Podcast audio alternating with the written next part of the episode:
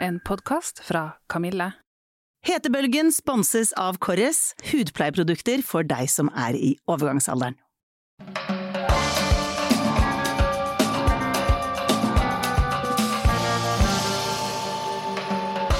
Hei, jeg heter Dora Thoralsdottir.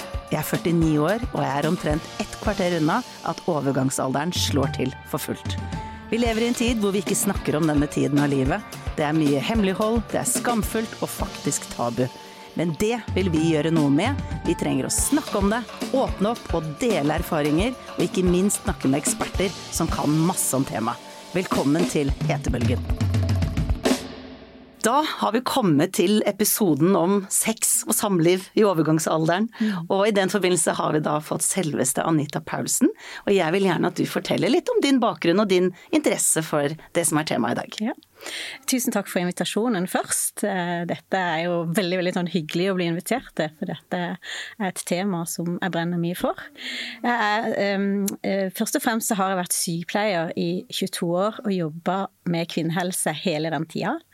Jeg har vært sexologisk rådgiver i 16 av de. Og så har jeg også forsker jeg også. Jeg forsker når jeg tar en doktorgrad akkurat nå på seksuell helse etter gynkreft. Og jeg tror liksom min vei inn da til um, det å interessere seg for overgangsalder og overgangsplager har nok kanskje kommet gjennom disse kreftpasientene. Det er sånn at kreftbehandling, eh, ikke bare hos gynekologisk kreft og brystkreftpasienter, den gjør at eh, kvinner går i kunstig overgangsalder, og mange før de skulle ha gjort det, og mange over natta til og med. Så du kan jo tenke. Ja, ikke sant. Mm, ja. Plutselig så begynner alle symptomene ja. På samme morgen, liksom. Mm. Så jeg, eh, gjennom disse, å møte disse kvinnene, da, så eh, har jeg vært interessert i overgangsalder i mange år. Jeg har også ment at jeg har hatt ganske mye kunnskap om det, hvis det er lov å si det. Det er lov å si. Jeg må si at eh, jeg, jeg, kom i overgangsalder sjøl når jeg var 45, eh, så det er fire år siden. Da var jeg litt sånn overraska over at folk hele tida kalte det tabu. Ja. Fordi jeg tror For meg så var det ikke så tabu, fordi at jeg jobba på kvinneklinikken. Ja, du hadde jo samtaler om dette hele tiden, ja, så da mm, tenkte du det er nytt for meg. Og veldig mange jobba sammen med veldig mange flinke leger, flinke gynekologer som også var interessert i det. Et par av de hadde forska på det. Ja, sånn at det var Jeg ikke det Jeg trodde ikke det var så tabu ute i allmennbefolkninga som etter hvert da skjønte at det var. Ja. Mm. Men her er så, du for å bryte ned litt tabuer, for vi skal Ikke nok med at uh, overgangsalderen er for mange ganske tabubelagt, mm. men sexlivet er vårt, mm. og hvis det ikke går så bra, og hvis vi er tørre videre. Og hvis vi mister lysten, så er det også på den tabulista. Så jeg tenker at det, det, er, det er, mye tabuer i ja. det vi skal nå gå inn i. Mm. Og det jeg har lyst til å begynne med, er rett og slett å spørre når du får Kaller du de pasienter? Klienter? ja, jeg bruker begrepet pasient, for ja. jeg jobber mest i spesialisthelsetjenesten i sykehuset. Mm. Ja, og da får du pasienter inn som uh, veldig ofte da er interessert i å få et bedre sexliv, rett og slett. Ja. Mm, de er henvist fra en lege ofte, eh, og det syns jeg er veldig fint, for jeg trenger det samarbeidet med den eh, legen de eventuelt har vært hos først. Ja. Og hva er det mest typiske som mm. går igjen da? Det aller mest typiske som jeg får henvisning på, det er i forhold til dette som er tema nå, det er nedsatt lyst eller smerte etter overgangsalder eller i forbindelse med overgangsalder. Ja. Og det er av og til, eh, av og til er henvisninga veldig kort, altså det lite, det er ikke så veldig mye jeg kan få ut av den. Men det er jo av og til litt vanskelig å skille hva som, hva som er hva her også. Så ofte så er det en av de tingene, eller begge de to tingene sammen. Mm. Ja. Jeg møter veldig få Det er veldig få som blir henvist til meg hvis de har det topp. Det er få som kommer inn og hvis du skjønner, så, Og bare ville dele sitt deilige sexliv, og så går de ut. Så, så, jeg, så, jeg, møter nok mest, mest, trøbbel på det. Men lyst og smerte, det er det jeg har jobba mest med. Ja. Mm. Og fortell da, hvordan jobber du hvis vi tar det ene først? Mm. Og så er det vel en kombinasjon av begge deler som ofte ja. henger sammen. Men hvis vi begynner med lyst, mm. hva skjer med kvinner i overgangsalderen, og hva gjør man mm. når det gjelder lyst? Ja. Nei, eh, det er jo sånn at eh, Jeg må bare si når jeg får eh, en kvinne inn på mitt kontor, så er det sånn at vi ser altså Når vi jobber som, som sexologer eller sexologiske rådgivere, så er vi opptatt av det som heter det biopsykososiale aspektet. Å, det var et langt og fint ja, ord. Ja, og det jeg skal bare forklare, det handler handler egentlig veldig enkelt om det som skjer med kroppen vår. Eh, det, hvordan påvirker det den psykiske helsa, og hvordan påvirker det de sosiale relasjonene. Og det vil ofte si parforholdet. Intimiteten, kommunikasjon og de tingene der. Og midt inni der er seksualiteten. Ja. Og det sier jeg ganske ofte til disse kvinnene liksom før vi starter sånn eh, i forhold til å gå rett på hva som har skjedd av plager. Men det er klart at hvis vi ser på det med lyst nå, så er det jo sånn at eh, hvis man ser på nedsatt søvn, som kan være en årsak, eh, trøtthet, de psykologiske konsekvensene, som at man føler seg nedfor, og eh, disse hetetoktene som gjør at tenk at du, du gleder deg, du skal på fest, du kommer ut av dusjen, du sminker deg, og så tar du på deg finkjolen, og så smekk, så kommer det en hetetokt, og så må du bare starte prosessen på nytt igjen og skifte kjole. Ikke sant? Den der delen som kanskje går på hvordan vi føler oss i forhold til attraksjon, da. vel i vår egen kropp og disse tingene her. Så det er klart at vi, vi kan ikke alltid si om det er liksom lyst i seg sjøl som har gått ned, alltid, eller om alle det er disse her faktorene rundt som gjør det. Men jeg tror det er ofte det er totalpakka. Er derfor vi liksom ser på liksom, ok, dette har skjedd med kroppen din. Hvordan er det med den psykiske helsa di? Hva har det skjedd noe her? Jeg har jo møtt kvinner som sier det at Jeg vet at dere har snakka litt tidligere om det med liksom, at man ikke kjenner igjen seg sjøl. Jeg har møtt et par kvinner som har sagt det at humoren min forsvant. Og det tenker jeg det er ganske alvorlig. altså Vi vet liksom hvor mye humor betyr for identiteten vår. At den på en måte blir borte en stund. Man, man slutter å le av de samme vitsene som, som man ville ha ledd av tidligere. Man mister litt av den der 'hvem er jeg?'-biten oppi det. Og så ser vi da på hva gjør dette med ditt forhold til Hvis, er, hvis de er et parforhold, da. Hvordan gjør det dette med, med den relasjonen de er i? Mm. Og det, jo, det, kan jo gjøre ganske mye forskjellig. Noen møter jo kanskje ikke så mye forståelse. De har kanskje ikke vært helt klar over sjøl hva dette handler om.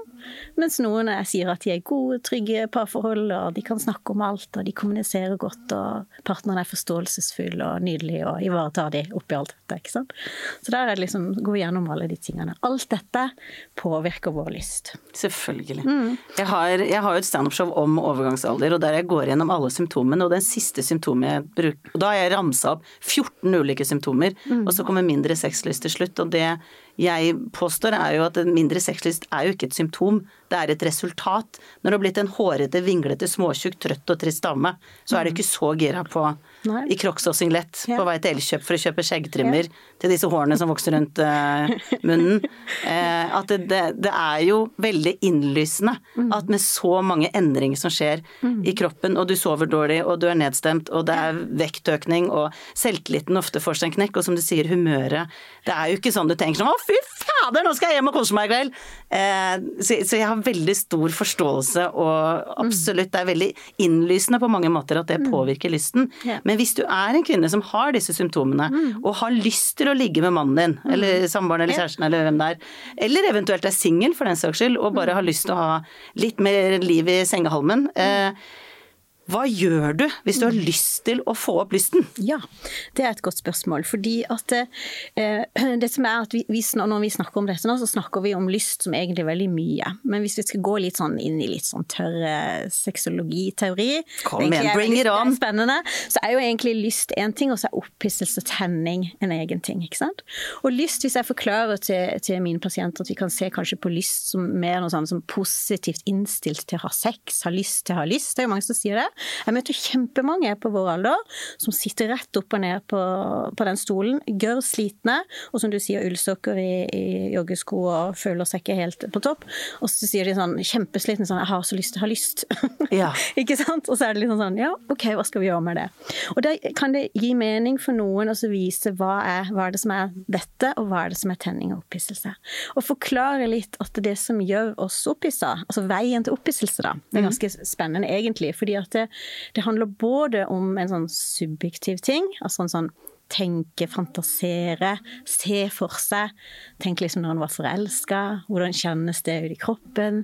Eh, man kan også bruke andre ting enn kjæresten sin, ikke sant. Erotisk film eller litteratur eller musikk, for den saks skyld. Eller porno, altså, som også noen bruker? Noen bruker også det, ikke sant. Sånn det, men mer sånn den derre stimulere det fantasimessig og så sterk, sant. Ja, ikke nødvendigvis det visuelle, men å ja. se for seg Mm -hmm. Sånn eh, ditt seksuelle rom, på en måte. Ja. Det som tenner deg. Ja, ikke ja. sant. Mens noen er veldig sånn klar på at det er gjennom kroppen. Gjennom de erogene sonene. Berøring på Mange sier det at ja, egentlig så liksom vårt mønster det begynner med litt skuldermassasje, og så, og så utvikler det seg, ikke sant. Til, eller kyssing eller klemming eller holding eller sånne ting. Mens noen er jo mer sånn direkte sånn eh, er positivt innstilt, men jeg kjenner meg ikke helt tent. Men så begynner nervesystemene mine berører meg på akkurat de riktige punktene, på utsida av kjønnsleppene, eh, rundt klitoris, og så bang, så kommer jeg, så er jeg på der. ikke sant? Sånn at man er litt mer direkte. Så det er liksom, at i meninga så kan man si litt sånn hvordan har dette vært for deg? Ikke sant?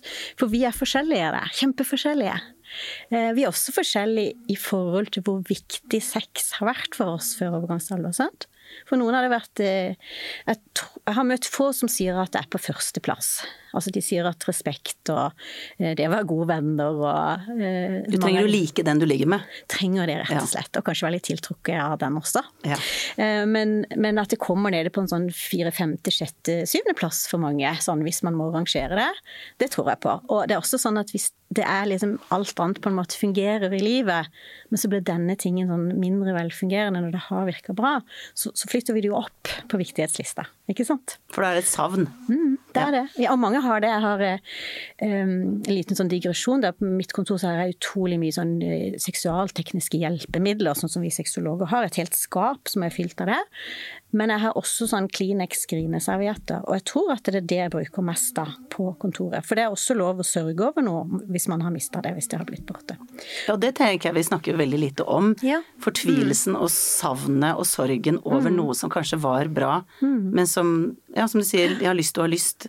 Ja. Det er jo en fortvilelse i det mm. for de som ønsker å ha, fortsette å ha sex, men som mm. har denne nedsatte sexlysten. Mm. Og det du snakker da om, er å både bli bevisst på hva er det som får meg til å få lyst, det er å se for meg scenarioer og mm. eh, situasjoner som tenner meg. Mm. Eh, går kanskje litt tilbake i tid til ting og tang du har enten opplevd, eller, eller bare romantisk Er det film du putter deg selv inn i istedenfor hun hovedskuespilleren, så er det Brad Pitt som gjør de tingene han gjør. Ja. Mm. Eller hva det er. Eh, og så er det også det konkrete, hva er det som tenner deg? Mm. Og det som er spennende med det, altså grunnen til at jeg ofte tar det opp, er det at det med tenning er som et slags språk. Vi, vi er vanemennesker. Eh, eller vi er vanedyr, vi mennesker. Så det vil si at hvis noe har funka for deg i 40 eh, år, så vil vi ofte prøve på det samme. Vi er tilbøyelige til bare å gjøre det vi har alltid, som alltid har virka for oss. Vi tar liksom den letteste utveien. Det er liksom der, sånn er vi. Mens tenning er faktisk sånn at vi kan lage nye tenningsmønstre. Og hvordan gjør du det? Nei, altså det krever, det krever litt. Altså det er sånn jeg kan si sånn uh, Man skal ha tid og rom og lyst til å jobbe med det, og det er ikke for alle. Men man kan gjøre det ved å uh, eh, f.eks. Uh, eh, da se på Altså begynne å lese erotisk litteratur, uh, knytte det til noe som er sensuelt, altså stryke på andre erogene soner, uh, gjøre ting som er sammen med, med partneren din som ikke man har gjort. Altså man må gå litt ut, ut av de der vante stiene man har tråkka i. Og jeg pleier alltid å si for av og til så har jeg noen som kommer inn, og så setter de seg i stolen og så sier de sånn Jeg vil bare si før vi begynner, jeg kommer ikke til å begynne å onanere, sier de. Ja. Sånn du vet det. Ikke sant? Sånn, jeg er ikke en sånn som vil gjøre det, på en måte. Og da kan jeg si nei, men det, det trenger du ikke. Men man kan gjøre ganske mye utenom å liksom også bli med i en, eh, en swingersklubb, eller altså det kan for all del være riktig for noen, men man kan gå ganske mye ut av skriptet sitt. For det viser seg at vi holder liksom litt på med det samme i parforholdet. Selv par som sier de er kreative, holder seg inn forbi noen sånne, sånne rammer.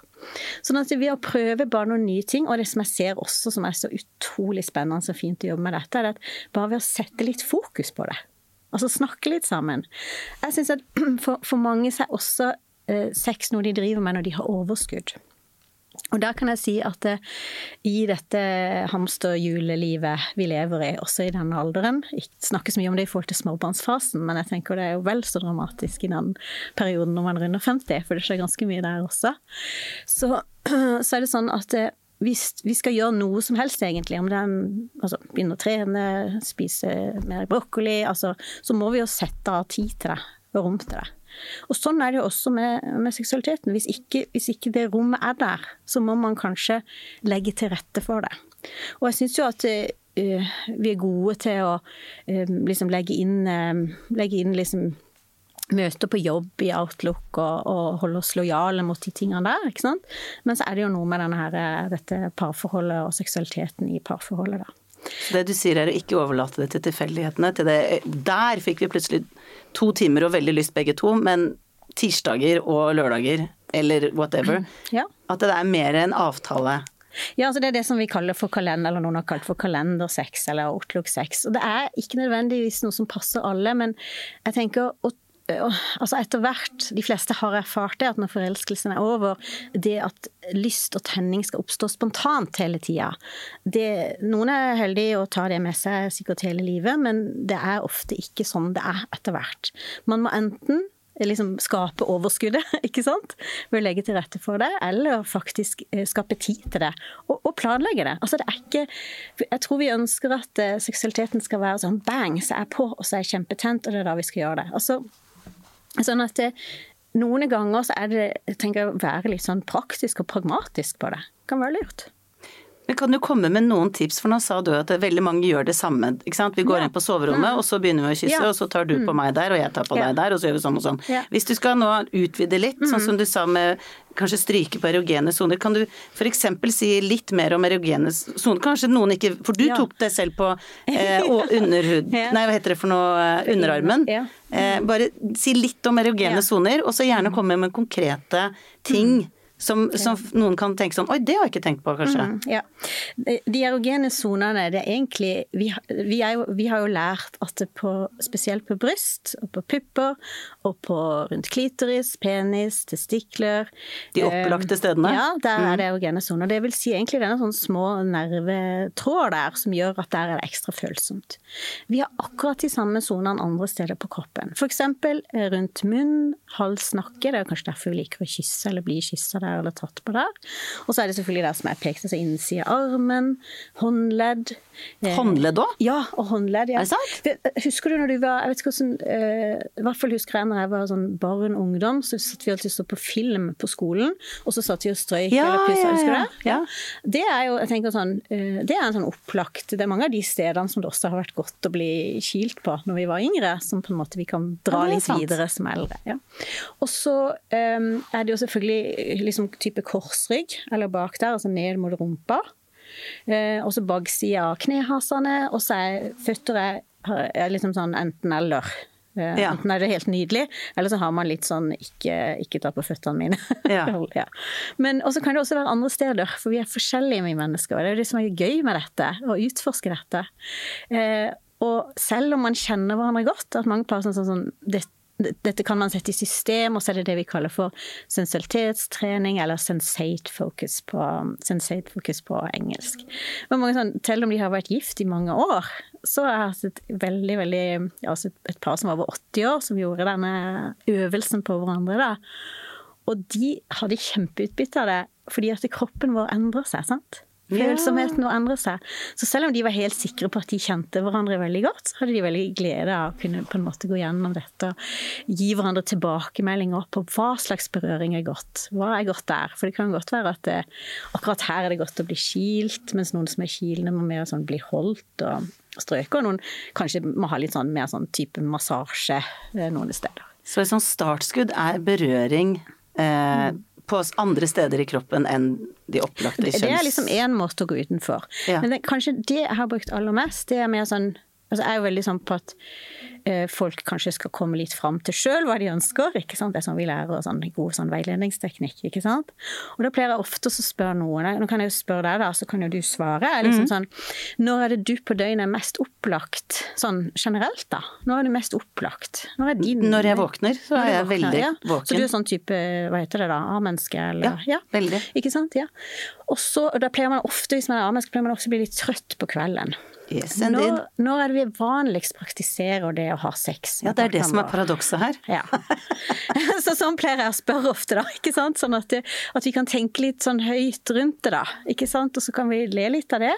Og så kan vi se sånn, kunne det vært litt lurt, da, kanskje så flytte Ok, nå, dere, nå, er dere i en fase der ok, akkurat hvis man har tenåringer, vi får jo barn senere, så mange i overgangsalder kommer jo i, i to overganger. Ja, det er mye hormoner ja, i mange hjem samtidig. Som har det sånn. Og da kan det være litt, faktisk litt vanskelig å organisere seksualiteten sin midt på dagen på en lørdag. For de er jo litt sånn uberegnelige når de er hjemme og kommer hjem, disse her eh, tenåringene våre. ikke sant? Men hvis man da er kommet steget ut og de har flytta ut, så er det jo ingen grunn til at ikke man skal møte møtes og ha sex klokka tolv, altså ja, ja. til lunsj, liksom. Det handler om, det er liksom du sier, det handler om å prioritere. Vi ja. drar til tannlegen en gang i året, det er EU-kontroll og det er ditt og datt. Det er noe man bør sette det inn i kalenderen litt mer. Når det passer seg, da. Ja, og så, men vi har litt sånn motstand mot det, å planlegge det. Fordi jeg tror at vi vil gjerne ha det sånn som når, når vi var forelska. Det hadde liksom vært veldig fint å ta videre. Og da pleier jeg å si det at det er jo så fint at man har hatt det sånn, at det har vært så kanonbra da. Og det kan man jo ta med seg inn i fantasien. Ikke sant? Sånn at man kan stimulere fantasien og huske tilbake og tenke, og bare liksom man hører en sang, ikke sant, så bare om, så kjenner man det i kroppen. Ikke sant? Mhm. Så, så det er liksom, ja, det er liksom sånn vi kan sitte liksom og kaste litt ball om det. Og så er det jo eh, altså, på en måte kanskje litt sånn selvsagt, men jeg tror ikke vi er så gode til å sitte og snakke om disse tingene i lunsjpausen, eller Og kanskje ikke vi skal det heller. Jeg Hva tenker du med partner eller med andre? ja, med partner så bør vi absolutt prate om det, men sånn i lunsjpausen eller med, i alle venninnesettinger at man kaster ball om det. Så jeg tenker at eh, det er også, seksualiteten skal få lov til å være litt sånn privat også for de som ønsker det. Og så, eh, ja. Men man kan jo få tips fra andre også, eventuelt. ja, det er det mange som har fått. Ja. Eh, Jeg har også jeg har intervjua pasienter i, i, i min doktorgrad, og jeg har fått eh, gode tips. De vet ikke at jeg nødvendigvis jobber som sexolog, så de har kommet med gode tips til Ja, for, kan du dele noen av dem? ja, altså det ene er, eh, det ene er et, et, en pasient som har slutta å ha sex med sin partner, men opprettholder seksualiteten alene. Um, har en veldig sånn eh, lur løsning på det. Jeg har faktisk et, et, en kvinne som forteller der at de putter det inn i, i Outlook-kalenderen. For å liksom holde det i gang. Så hun onanerer rett og slett på fast skjema? Ja, det gjør hun også. Og det er på en måte fordi hun tenker at hvis ikke hun gjør det, så på en måte dør det ut. Den litt Ja. sånn use it or lose it-tanken. Men hun har også lært at den beste måten for det er en godt voksen dame. Er bruker dusjen, ikke sant, dusjstrålen, ikke sant, til å stimulere seg sjøl. Og jeg- det er ikke sånn at jeg ikke kan det, men hun forteller meg det som at hun lærer meg noe nytt, og det er jeg veldig, veldig glad for. Jeg har lært masse av pasientene mine. Ja. Så, det, ja, så, det, så det er mange, mange ting man kan gjøre. Men jeg tenker det å liksom putte det på agendaen, som de sier, er Ja. kanskje først og fremst det. Gjør, gjør noe nytt, prøv på noe nytt. Hvis det du har gjort ti ganger ikke virker, OK, La oss prøve noe nytt. Mm. Og veldig mange sier da sånn Ja, da så kjøpte vi en eh, womanizer, eller vi kjøpte en vibrator, eller vi kjøpte en dildo. Og da tenker jeg det er kanskje ikke det. Altså det er rett inn på det genitale, altså denne her tenninga der rett inn på kjønnsorganene som skal til her. Kanskje det er liksom noe annet, og kanskje se en film sammen, eller nå er det jo mye gøye podkaster òg. Man kan sitte og høre noe sammen i, i bilen, eller glede seg til å komme hjem. Mm. Hetebølgen sponses av Korres. Det er en gresk hudpleieprodusent som bruker kun naturlige ingredienser.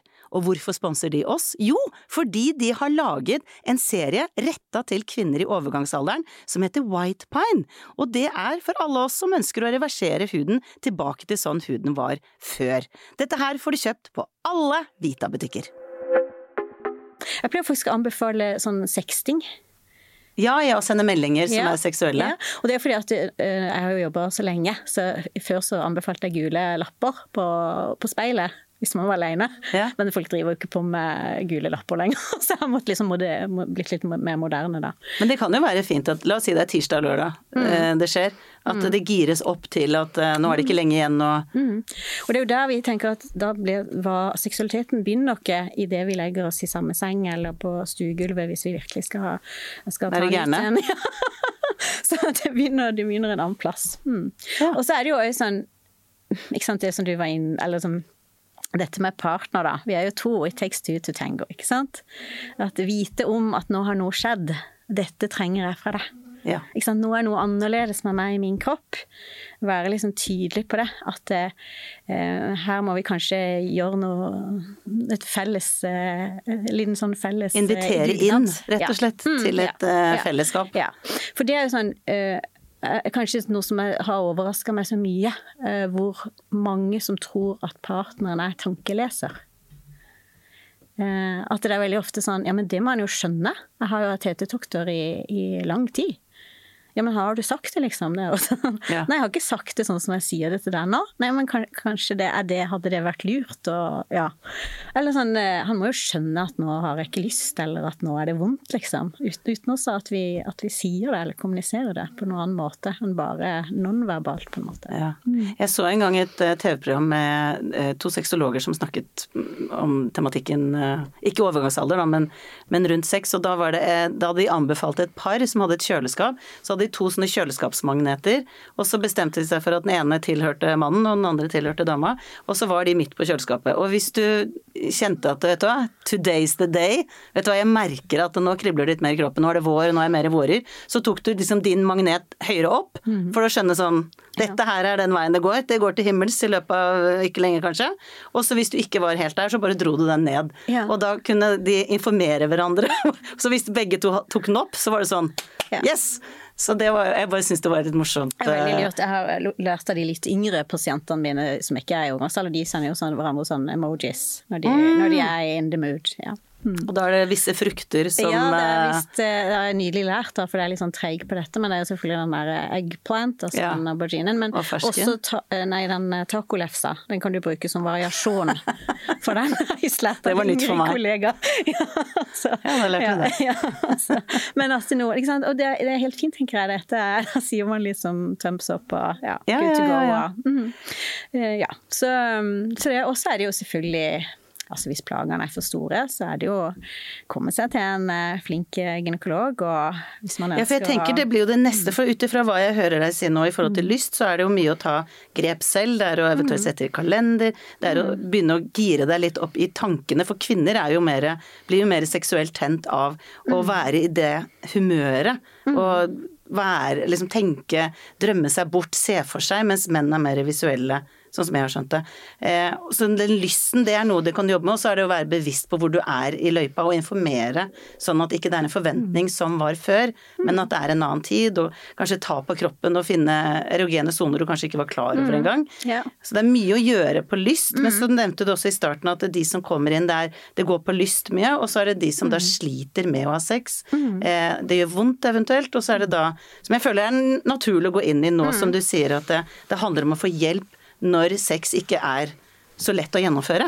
Tørre slimene f.eks., eller eh, hva, hva, hva er problemet, liksom? Ja. Når Altså Ofte så er det jo kanskje nettopp tørre slimhinner som er årsaken til lysta, ikke sant? og da bør man jo se på det.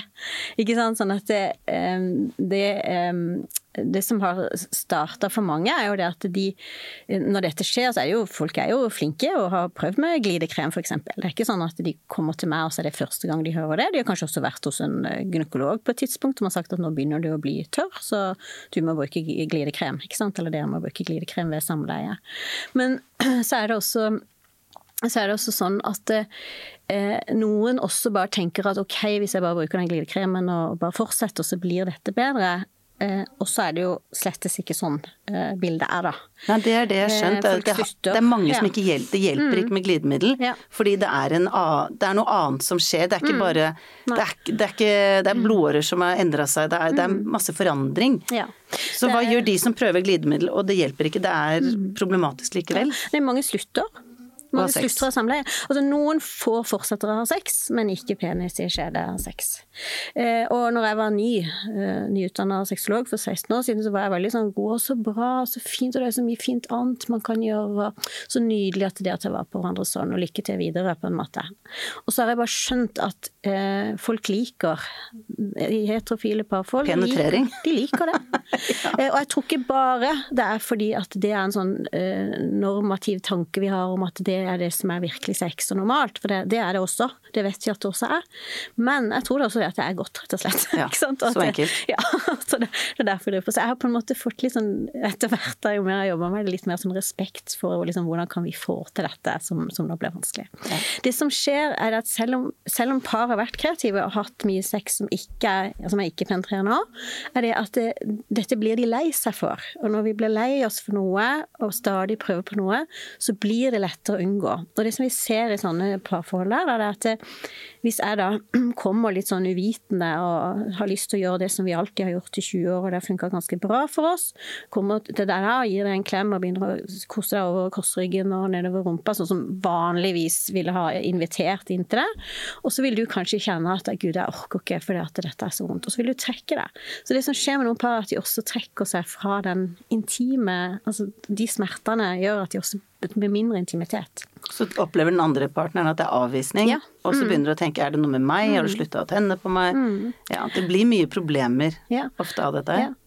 Og så, er det jo sånn at det, eh, noen av de kvinnene der er, jeg, er jo er jo nok prega av at jeg kommer fra skolemedisin, ikke sant. Så jeg tror at noen av de hadde nok Jeg mener at det er underforbrukt, da. Med at i alle fall, i det minste, lokale østrogener kunne ha hjulpet de i stor, stor grad. Og lokale, hvis du kan bare si hva mm. det er? Ja, det er enten en sånn en liten tablett, en vagiator som vi kaller det, eller så er det krem som man tar inn i skjeden, som har østrogen.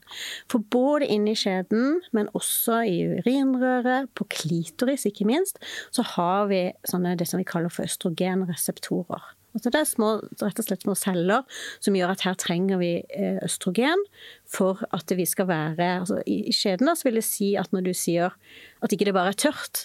Slimhinna blir tynn, og det er derfor vi begynner å blø. Lett. Ja, ikke sant. Mm. Ja, det er det som skjer. Så, så det, måte, det trengs rett og slett for å få bygd opp denne her eh, slimhinna igjen. Da, Men er det sånn at du da tar den tabletten inn mm -hmm. når du skal ha sex, og så blir Nei. du umiddelbart bedre, eller er det sånn jevnlig over tid? Mm, du tar det, altså I starten så får man en sånn, liksom, det, en sånn liten boost, man skal liksom virkelig få bygd opp disse hinnene, men etter hvert så er det to ganger i uka.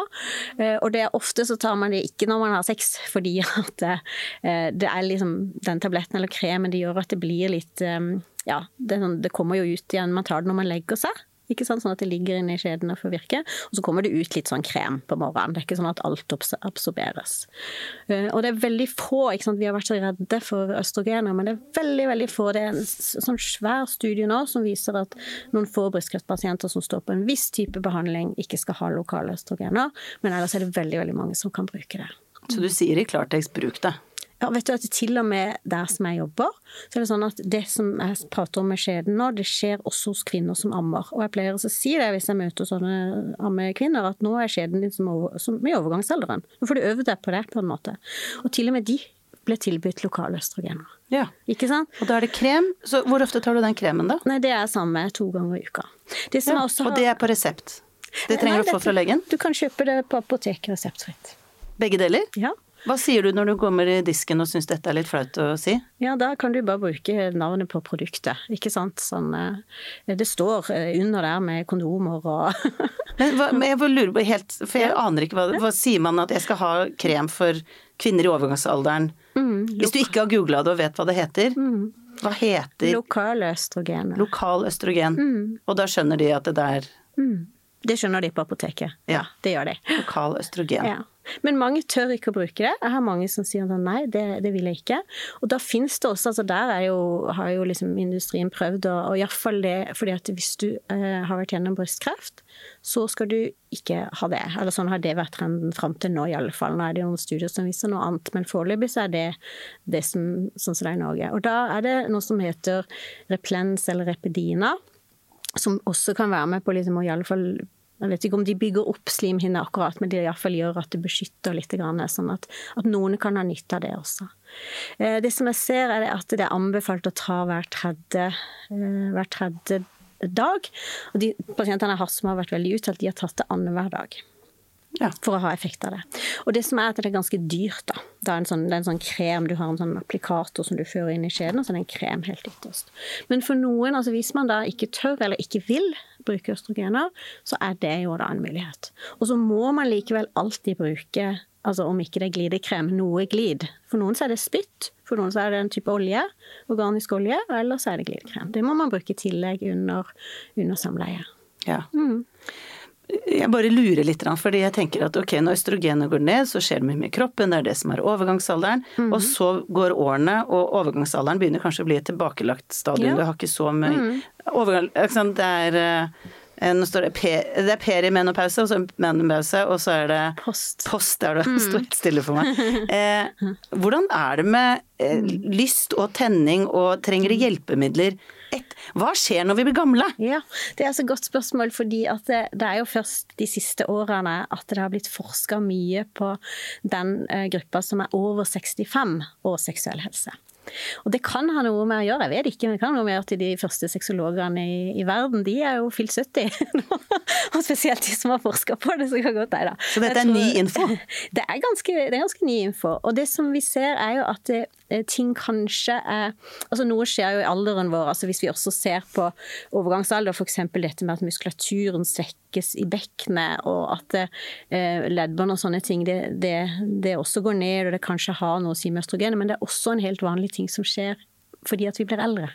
Så noen av disse tingene inntreffer jo også som en sånn alders... Eh, vi er jo ikke laget for å bli så gamle som vi er. ikke sant? Hadde det ikke vært for antibiotika og vaksiner, så er det ikke sikkert vi hadde sittet her i dag engang. Ja, ikke sant? Så, sånn at kroppen var liksom trengte litt sånn, eh, sånn boost på forskjellige ting. Så, sånn at um, Um, nå må du hente meg litt inn igjen. Nei, det var dette her med hvordan når de blir eldre, trenger de mye hjelp ja, nei, ja. da? Det som, er, det, som har, det som, en ser på det, det er f.eks. Bente Træn, da, som er sexolog, som har forska sammen med andre forskere i Europa på, på, eldre og seksualitet, eh, som ser at det f.eks. så har det mye å si i forhold til om du er frisk og eldre eller ikke. Det som er, er at hvis du får sykdommer eller bruker medisiner, så påvirker det seksualfunksjonen og den seksuelle helsa di. Men veldig mange som er friske, som, som har det bra, høy livskvalitet, lever god liv, har også gode sexliv. Men den er litt sånn endra, for ting tar litt lengre tid, og følsomheten vår endrer seg. Så noen Nå husker jeg ikke helt hvem som har sagt det, men det er iallfall en uh, at vi beveger oss fra, fra, mer intercourse, altså fra mer samleie, til outercourse, det som skjer på utsida av kroppen. Mm. Mm. Så, og det eldre paret jeg hadde som gjorde sånn sensualitetstrening der, de var jo godt voksne og var veldig opptatt av dette med erogene soner og ja, syntes det var spennende å, å utforske videre. Men kan det ta deg lengre tid? å bli tent? Ja. Er det egentlig mm. det som er mm. Men trenger da Jeg lurer bare, men mm. la oss si kvinner over 70, da. Ja. Er det veldig mange av de som trenger glidemiddel eller eh, østrogentilførsel? Ja. Mm. Altså, um, Eller kan man holde på, ha et normalt sexliv uten noen hjelpemidler til man er 90? Ja, det kan man. Ja, mm. Det var jo hyggelig, da. Kan det. det er noe positivt oppi alt dette. Ja, ikke sant. Det, det, kan man absolutt, for det har jeg hørt folk fortelle meg at de har.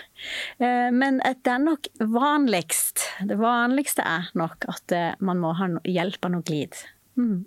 Ja. Altså noe som, som setter en på glid. For til og med de kvinnene som ikke har store symptomer i overgangsalder og ikke kjenner mye altså Noen sier jo at jeg blir ikke så tørre. Altså jeg har liksom vært like våt og lite fukt, like fuktig alltid, jeg. Så det må jeg jo tro på. Jeg har jo lært meg å tro på, på de jeg treffer og de jeg snakker med. Så, så, så, så er det nok sånn at det, bare alder i seg sjøl gjør jo at det, vi på en måte altså Systemet vårt på en måte går, går mer og mer eh, mer, mer sammen, da. Sånn at vi, mm, vi vil trenge noe hjelp og støtte. Men folk er kreative, og om ikke som sagt de har eh, glidekrem i nattskuffa, så har, så har de brukt spytt. Det har vi brukt i alle tider. Ja, ikke sant. Ja. Du, jeg får lyst til å også ha, trekke menn inn i dette her. Ja. Eh, jeg har både lyst til å trekke inn menn, og så har jeg lyst til å trekke inn litt testosteron. For jeg bare lurer. Ja, dette her kan være at det er et kjempeidiotisk spørsmål, men i og med at testosteronnivået hos kvinner går ned, det påvirker, er det det som også påvirker lysten? Så hvis man kan ta litt testosteron, så hjelper det på lyst? Mm. Altså, testosteronet vårt er annerledes, fordi at det, det har ikke liksom den brå nedgangen. Det går gradvis ned fra vi er sånn en eller annen plass, jeg husker ikke helt, men en eller annen plass i 20-årene. Og sånn er det også for menn, faktisk. At det gradvis går nedover. ikke sant? Så det er ikke sånn plutselig. Men eh, altså som, jo mer vi forsker, eller jo mer forskere forsker på hormoner, jo mer komplisert ser vi at det er. Ikke sånn, så det er liksom ikke sånn at one size fits all. Men det som er liksom, vi har noen anbefalinger i Norge i dag som noen veldig flinke gynekologer har lagd. Som eh, sier at først så behandler man med østrogen for å, se, for å se hva er det som virker for noe. For noen så er det nok. Og så er det sånn at hvis ikke det har effekt, ikke det er noen sånn stor risikofaktor, og kvinnene ønsker det sjøl, så kan man eh, forsøke testosteron. Og det har jeg vært med fylt kvinner som har gjort. Det er leger som setter i gang dette, for dette er jo produkter som er på resept. Sånn at, eh, at noen merker ingenting. Altså ingen forskjell. Mens noen sier at de, altså livet, de får livet tilbake. Og det er ikke alltid bare sexlyster som er tilbake, altså den der gode erkjennelsen om noe sex, sex noe gledelig og lystbetont, men de sier også at de får litt mer overskudd. Ja. Så vi vet liksom ikke helt om det er høne eller egget der, men altså, hvis, de, hvis, dette funker for de, så ja. Mm. Testosteron, er det i geléform? Mm, ja. ja. Gelé det er det som vi bruker mest, og det er jo ikke noe produkt som er lagd egentlig, Det er egentlig produkter som er lagd for menn. Eh, så vi må liksom ta en sånn tiendedel eller en sånn egen Men det er en lege eller gynekolog som skriver ja. den mengden som er riktig for deg? Ja, det gjør de. Og så, eh, og så måler vi, tar, eller det er vanligst da, at man tar og måler noen blodprøver først før man starter, og så etter seks uker, og så hver sjette måned. ja, en viss kontroll på det. Ja, men samtidig, hvis man skulle få for mye eh, så vil man eh, få litt ekstra behåring. Det kan man få uansett. Jeg har eh, også et par pasienter som sier at de får litt større klitoris av det. Eh, Og det Er det en dårlig ting? Nei, de syns det er kjempefint. Ja, jeg skulle faktisk er med det? altså, det, det er ikke noe grunn til å slutte. Så det kan være at ikke det går utover. De syns det er topp. Og det litt skjeggvekst, men større klitoris. Ja, ja. litt sånn økt behåring, ikke sant. Men du skal ikke få skjegg, liksom, eller det Men når du sier behåring, er det da rundt munnen, eller er det an... Du begynner ikke å få det på brystet, liksom? Nei, det gjør det ikke. Men man kan merke ikke sant, at hvis man har hatt lite hoppeleggene, så kan man få litt mer, eller et, kanskje et hår i ansiktet. Men ikke noe sånn Hvis, hvis man plutselig Deg begynner å få skjegg ja. Ja. Hvis du begynner plutselig å få skjegg og mørkere stemme, så har man Så har du tatt for mye. Ja. Ja. Men da har du en lege eller gynekolog som har gått litt bananas. Så ja, jeg skjønner at det er ikke det som er meningen. Men når det gjelder menn og overgangsalder, for de, eller, de blir jo bare eldre og testosteronet går ned, Mm. og det jeg har skjønt er at sexlysten hos menn kan også ofte gå ned etter hvert som de blir eldre. Mm. La oss si at du er en kvinne som tenner og har lyst til å ligge med mannen din og, eller den du bor med, og, og er liksom klar, og så er du da sammen med en mann som tenner på en litt annen måte og ikke er så gira på sex lenger. Hva sier du til de damene eller de mennene? Det skjer. Det, de ser jeg ganske mye. Mm. Og det er nesten Jeg har litt kjærlighet for de eh, mennene. Fordi at eh, det er liksom noe med at ikke det helt ligger i det å være mann, hvis du skjønner. Du skal på en måte være kåt hele tida og ha, være klar med en ereksjon hele tida. Da kan vi allerede nå, så jeg regner med at dette er en myte du har veldig lyst til å avlive. Det har jeg veldig lyst til å avlive.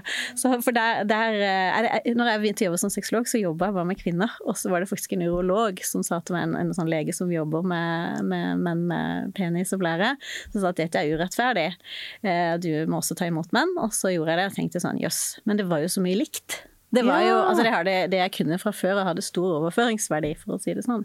Og dette var jo en av de tingene, dette med lyst, som gikk igjen. Hadde det vært noen av de som kom til meg da, så at ikke, hvis ikke de var et parforhold, så hadde de aldri kommet. Da hadde de lagt det på hylla. De slet med både De var bare ikke noe interessert i sex lenger. Ja. Ja. Er Verken sånn- alene eller med partner. Og da har jeg også vært med på, uh, på leger um, Altså menn får, har jo fått testosteron. Ikke sant? Man tar noen blodprøver, ser at her er det noe med spesielt det testosteronet som er fritt. Altså, testosteron er litt komplisert å måle, fordi at det, du kan måle noe i blodet, men også, noe er også fritt i kroppen vår, fritt i cellene. Og det får vi liksom ikke henta ut informasjon fra i blodet. Så det er ikke alltid at det er den beste måten å se det på. Så det er ikke Men- så enkelt at hvis lysten hos menn går ned, så er det bare å gi de litt testosteron, og så løser det Det er det seg. ikke. Og det, er derfor, og det, altså, det ser jeg hos, hos eh, alle kjønn, egentlig, at det er ikke sånn at uh, det er løsninga. For dette, nivåene kan gå opp i blodet. Vi kan se i blodet at jo, men dette har jo virka. Og så merker de ingenting på overskudd eller seksuallyst. Ja. Ikke sant? Eller glede. Mm. Det er ikke noe quick fix. Nei. For da hadde vi jo Da hadde vi nok kanskje ja, brukt det mer som en løsning. Så det sier bare at vi er forskjellige, og vi reagerer også forskjellig. Bare tenk på oss kvinner, da. ikke sant? Noen surfer gjennom dette her med menstruasjon, mens noen har PMS-plager. ikke sant? Altså sånn, ja. Så det er også et tegn på at vi reagerer forskjellig på hormoner. ikke sant? Så det er ikke løsninger alene. Det er det ikke. Så til menn som ikke har lyst, eh, så er det egentlig de samme rådene som du hadde i stad, Mm. med å tenke litt utafor boksen, gå litt andre veier, Mm. sette av tid til kos og ikke nødvendigvis ligging. Eh, Så det er, det er det samme. Ja, altså når du sier det med lyst, så er en ting som jeg har vært veldig opptatt av de siste årene, og det er det at det, når jeg møter noen, så sier de ofte at jeg har lite lyst, eller ingen lyst, eller lysten er borte. Også, og jeg er jo ikke parterapeut, jeg har parsamtaler for liksom å spesifisere det at hvis de trenger noe mer hjelp til sånn som det med kommunikasjon og sånn, så er det kanskje noen andre som må hjelpe med det. Men når jeg ser, når jeg ser par sammen, for det gjør jeg mye, og vi snakker om det med lyst, så ser jeg ofte at forskjellen er ikke så stor. Og da blir jo problemet mindre, hvis vi kan på en måte få satt fingeren på det. Og det, nok, det ene er jo det kanskje som du sier der, at vi kan være litt i takt i forhold til det. Men vi blir eldre og slitne alle sammen, på en måte. Men det er nok også det at vi eh, speiler oss liksom i hverandre. Og noe av det jeg tenner på, det er jo at du tenner på meg. Sant? Sånn at det, Derfor så, så går på en måte kanskje liksom det litt sånn ned i takt. Og noen sier jo rett ut at det er liksom det som er afrodisika, altså det er det som skal til da for at jeg kommer på det, at jeg ser at jeg klarer å tenne og glede min partner, og at vi har glede av det sammen. Og sånn at da kan vi liksom lage det til et mindre problem i alle fall, ikke sant. Og så, sånn, så, så ønsker, Hvis de kommer til meg, så ønsker de ofte å få, liksom, få, i, gang, få i gang dette her igjen, da, på et vis. da. Så, men jeg kan iallfall ta bort, for dette, jeg tror også altså En av grunnene til at jeg tenker at i hvert fall de kvinnene som lever i, i, et parforhold med en mann, bør snakke mer om det med mannen sin, og ikke tro at de er tankelesere, det er jo det at vi føler oss av og til litt sånn ensomme i altså sånn, At det er meg som er problemet. Ikke ja. sant? Og så er man jo tross alt et team her, da. Også i forhold til seksualiteten. Mm. Mm. Men kan også da sexlysten hos eksempel, ja, både menn og kvinner egentlig eh, gå ned, og det er bare et helt naturlig del av livet. Og at det å akseptere at det, det vil være en fase som er sånn Noen par kan jo leve greit med at det er en åpenhet om det. Og så på sikt så kan det hende at dette går, går opp, men akkurat nå så ligger det litt nede. Mm. Og det ja. Hvis vi er på samme sted, da. Ja. Hvis den ene vil veldig og den andre ikke vil, så mm. blir det jo gjerne mm. Men da er det den åpenheten og kommunikasjonen og Ja, for det er jo ikke noe problem hvis begge to ønsker det. Syns mm. at det er ok. Eh, og det kan jo være at også noen har funnet Og det er sant, jeg har jo også jobba ganske mye med pasienter som har mye smerter. Eh, sånne vulva-pasienter som ikke kan gjennomføre samleie og ikke orker å ha sex for det er vondt i klitoris og sånn. Men de har stor glede av intimiteten. Altså det å ligge inntil, ligge og spune, holde rundt hverandre. Altså den tingen kan være på plass. Mm. Og det tror jeg eh, er fordi at de er gode til å snakke om det.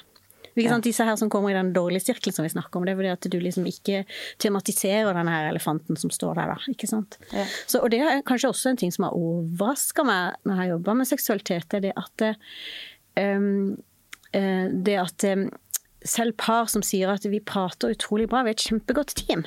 Alt funker. Men akkurat denne tingen klarer vi ikke å prate om.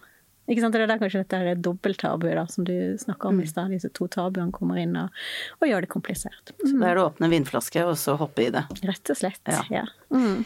Du Anita, jeg, er, tusen takk for utrolig mange gode innspill både på lyst og på de som eventuelt har smerter. Det er så deilig med konkrete At det fins løsninger, mm. og at det er også reseptfritt. Det var helt nytt for meg, og det gleder meg å høre at det, det mm. trenger ikke være så komplisert å få hjelp.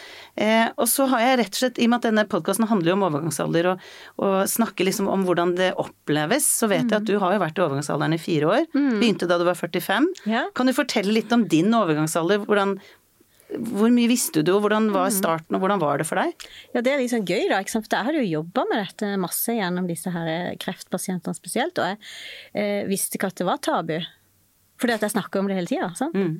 Så for meg så var det nytt, og det var faktisk sånn at jeg spurte venninnene mine sånn Du, er overgangsalder? Altså, jeg var helt sånn Og de spurte mødrene sine for meg, eh, og det som jeg så, det var litt interessant, men de mødrene som hadde snakka mye om det, de var helsepersonell.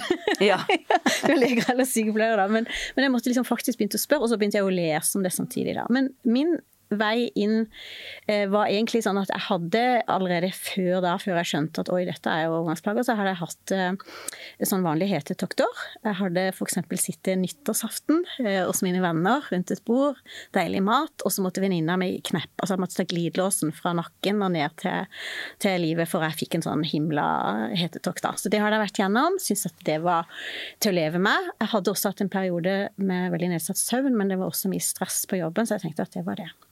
Og så dro jeg rundt på en sånn jobbreise med en gynekolog, Ingvild Vistad, som jeg har eh, samarbeidet mye med pga. det doktorgradsprosjektet mitt. Eh, og vi var besøkt i flere sykehus og skulle sitte i møter, og så hadde jeg altså urinveisinfeksjon Sånn, altså sånn, den ene avløste den andre på en måte. det hørtes slitsomt ut. Ja, og det var helt nytt for meg. Eh, og jeg syntes det var veldig plagsomt. Og så var det liksom en, en dag vi snakka sammen, og så sa han sånn Men du, har du liksom hatt Altså, liksom, har du hatt hetetokter? Ja, det har jeg hatt. Ja, hvordan så Nei, jeg sov ikke så kjempebra egentlig, men Og jeg har jo tenkt at det er overgangsalder. Ja, sa jeg. Og jeg har jo tenkt at jeg skal begynne på østrogen, sa jeg. Det hadde jeg jo bestemt meg for. Det hadde jeg bestemt meg for. At det, det skulle jeg gjøre. Men jeg hadde tenkt eh, at det skulle jeg gjøre når det ble ekte å leve med. Og spesielt i hetetoktene var jo til å leve med. sant? Og så, ganske kjapt, da, leser jeg litt om det, for da fortalte hun meg om alle fordelene ved å begynne tidlig.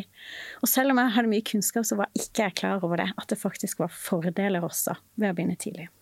Så da leste jeg meg litt opp på det, og så tror jeg hun eh, sendte inn en resept, og så starta jeg da. Og da slutta jeg urinveisinfeksjoner, det var helt nydelig. Og så eh, slutt på hetetoktene, og så begynte jeg å sove. Og det var kanskje det beste. Og jeg ser at jeg også har det litt sånn det vi kaller for urogenitale symptomer. Jeg var også tørr i skjeden eneste gang jeg har vært det, eh, utenom når jeg amma. Så, så, jeg hadde også symptomer på det. ikke sant, at jeg hadde kjent det. Og så var det på en måte bare Og så fikk jeg også, men det er jo sikkert pga. søvn, så fikk jeg et nytt overskudd. Så det som jeg trodde var jobbrelatert stress, eh, og som påvirka sønnen min, var nok disse overgangsplanene. Hva slags eh, østrogen tok du da? Hvilken Da jeg begynte på, på plaster, og så skulle jeg ta en sånn, eh, sånn gestagen, en sånn tablett som, som støtter ut innimellom. For jeg hadde akkurat tatt ut eh, Det er vanlig å ha hormonspiral, men den hadde jeg tatt ut av andre grunner. Og så dukka det opp litt sånn andre Jeg hadde noen andre plager samtidig. Så jeg, nå, akkurat nå så står jeg på den tabletten som heter Novofem, der jeg eh, tar eh, Det er vel 16 dager med rent på eh, østrogen, og så er det en sånn, en sånn tablett i tolv dager som er en blanding av, av østrogen og progesteron, eller gestagen, da, som er Som har det hjulpet deg tydeligvis veldig mye. Ja, altså det og ikke bare sånn Ikke bare på disse her bivirkningene, men jeg sa når jeg hadde noen, hadde noen plager et års tid etterpå, så sa jeg til, til kjæresten min, som har vært kjæresten med i snart tolv år, så sa jeg sånn Så jeg tror kanskje at jeg må slutte med østrogen. Og det var en sånn stillelse sånn sånn Må du? fordi at, fordi at Han også hadde jo merka at jeg fikk litt mer overskudd, og altså, vi, det skjedde en endring der, da, på, Ja, ja. i løpet av de ukene etterpå som Ja. Men kan jeg stille Mm. deg såpass privat spørsmål, bare rett og slett i forhold til ditt eget sexliv da du ble tørr Mm. Ja. Mm. nedentil? Det ble vel Jeg skulle tro at du ikke er så gira på å ha sex når det gjør litt vondt. Nei, du er ikke det, vet du. Ja. Så, øh, og jeg er nok litt sånn pragmatisk og løsningsorientert, men jeg var også veldig trøtt i den perioden. Så det er jo den kombinasjonen der, og det er den kombinasjonen jeg ser hos også veldig mange andre. At nå gjør noe med liksom unngåelsen, kanskje, og, og gleden og, og dette her var, at Jeg var jo heldig, dette var jo ikke noe som varte kjempelenge. Men det som er kanskje sånn mitt hovedbudskap når jeg snakker med kvinner, og det er jo nettopp det som jeg lærte ikke sant, av Ingvild, at det, du, du trenger ikke å vente til det ikke blir til å holde ut. Ja. Ikke sant? For det var liksom mitt eh, Det var sånn jeg hadde tenkt da. At når ikke jeg orker de hetetoktene, da skal jeg begynne. Jeg tenker det er litt sånn typisk kvinner at vi er vant til mensenplager og veldig mye. Mm. Og så er det en sånn innstilling om at ja, men jeg klarer utrolig mye. Mm. Jeg kan ha et kolikkunge der og jobbe samtidig og Mm. holde på. Eh, jeg klarer det. Ja, du klarer det, men det er et helvete. Du kan Ja. få det Ja. bedre. Så jeg tror det er dessverre litt sånn Kvinner er vant til veldig mye. Mm. Og da Det du sier er egentlig be om hjelp i tide. Ja, og ikke sant, altså, nå, nå Tidligere vi- enn før det er krise. Ja, nå begynner vi å få kunnskap om det, ikke sant, sånn som podkaster som dette, og det er liksom ute på Facebook og Instagram hver dag. Det sier kanskje noe om mine algoritmer, men Algoritmene dine. ja, men, men uansett så er det mye kunnskap der ute, så vi begynner å, å vite mer, men, men ikke vent, så er det an, ikke sant. Det er jo ja, Ja. ingen vits i hvis man tenker at det kan være noe for meg. Mm. Du, tusen takk, Anita. Da kan eh, de som eventuelt ønsker det, også søke hjelp hos sexologer. Eh, og få enda mer konkrete tips og, og noen å snakke med. Men eh, jeg håper mange har hørt på og blitt inspirert til eh, å gå inn på soverommet på et tidspunkt av dagen hvor du er kanskje opplagt. Mm, lunsj. Og Ja. så eh, gå litt utafor boksen og prøve nye ting. ja, det håper jeg. Mm. Det det Tusen takk. Tusen takk, Anita. For en glede å ha deg her. Takk for at jeg fikk komme. Veldig hyggelig. Hetebølgen sponses av Korres, hudpleieprodukter for deg som er i overgangsalderen.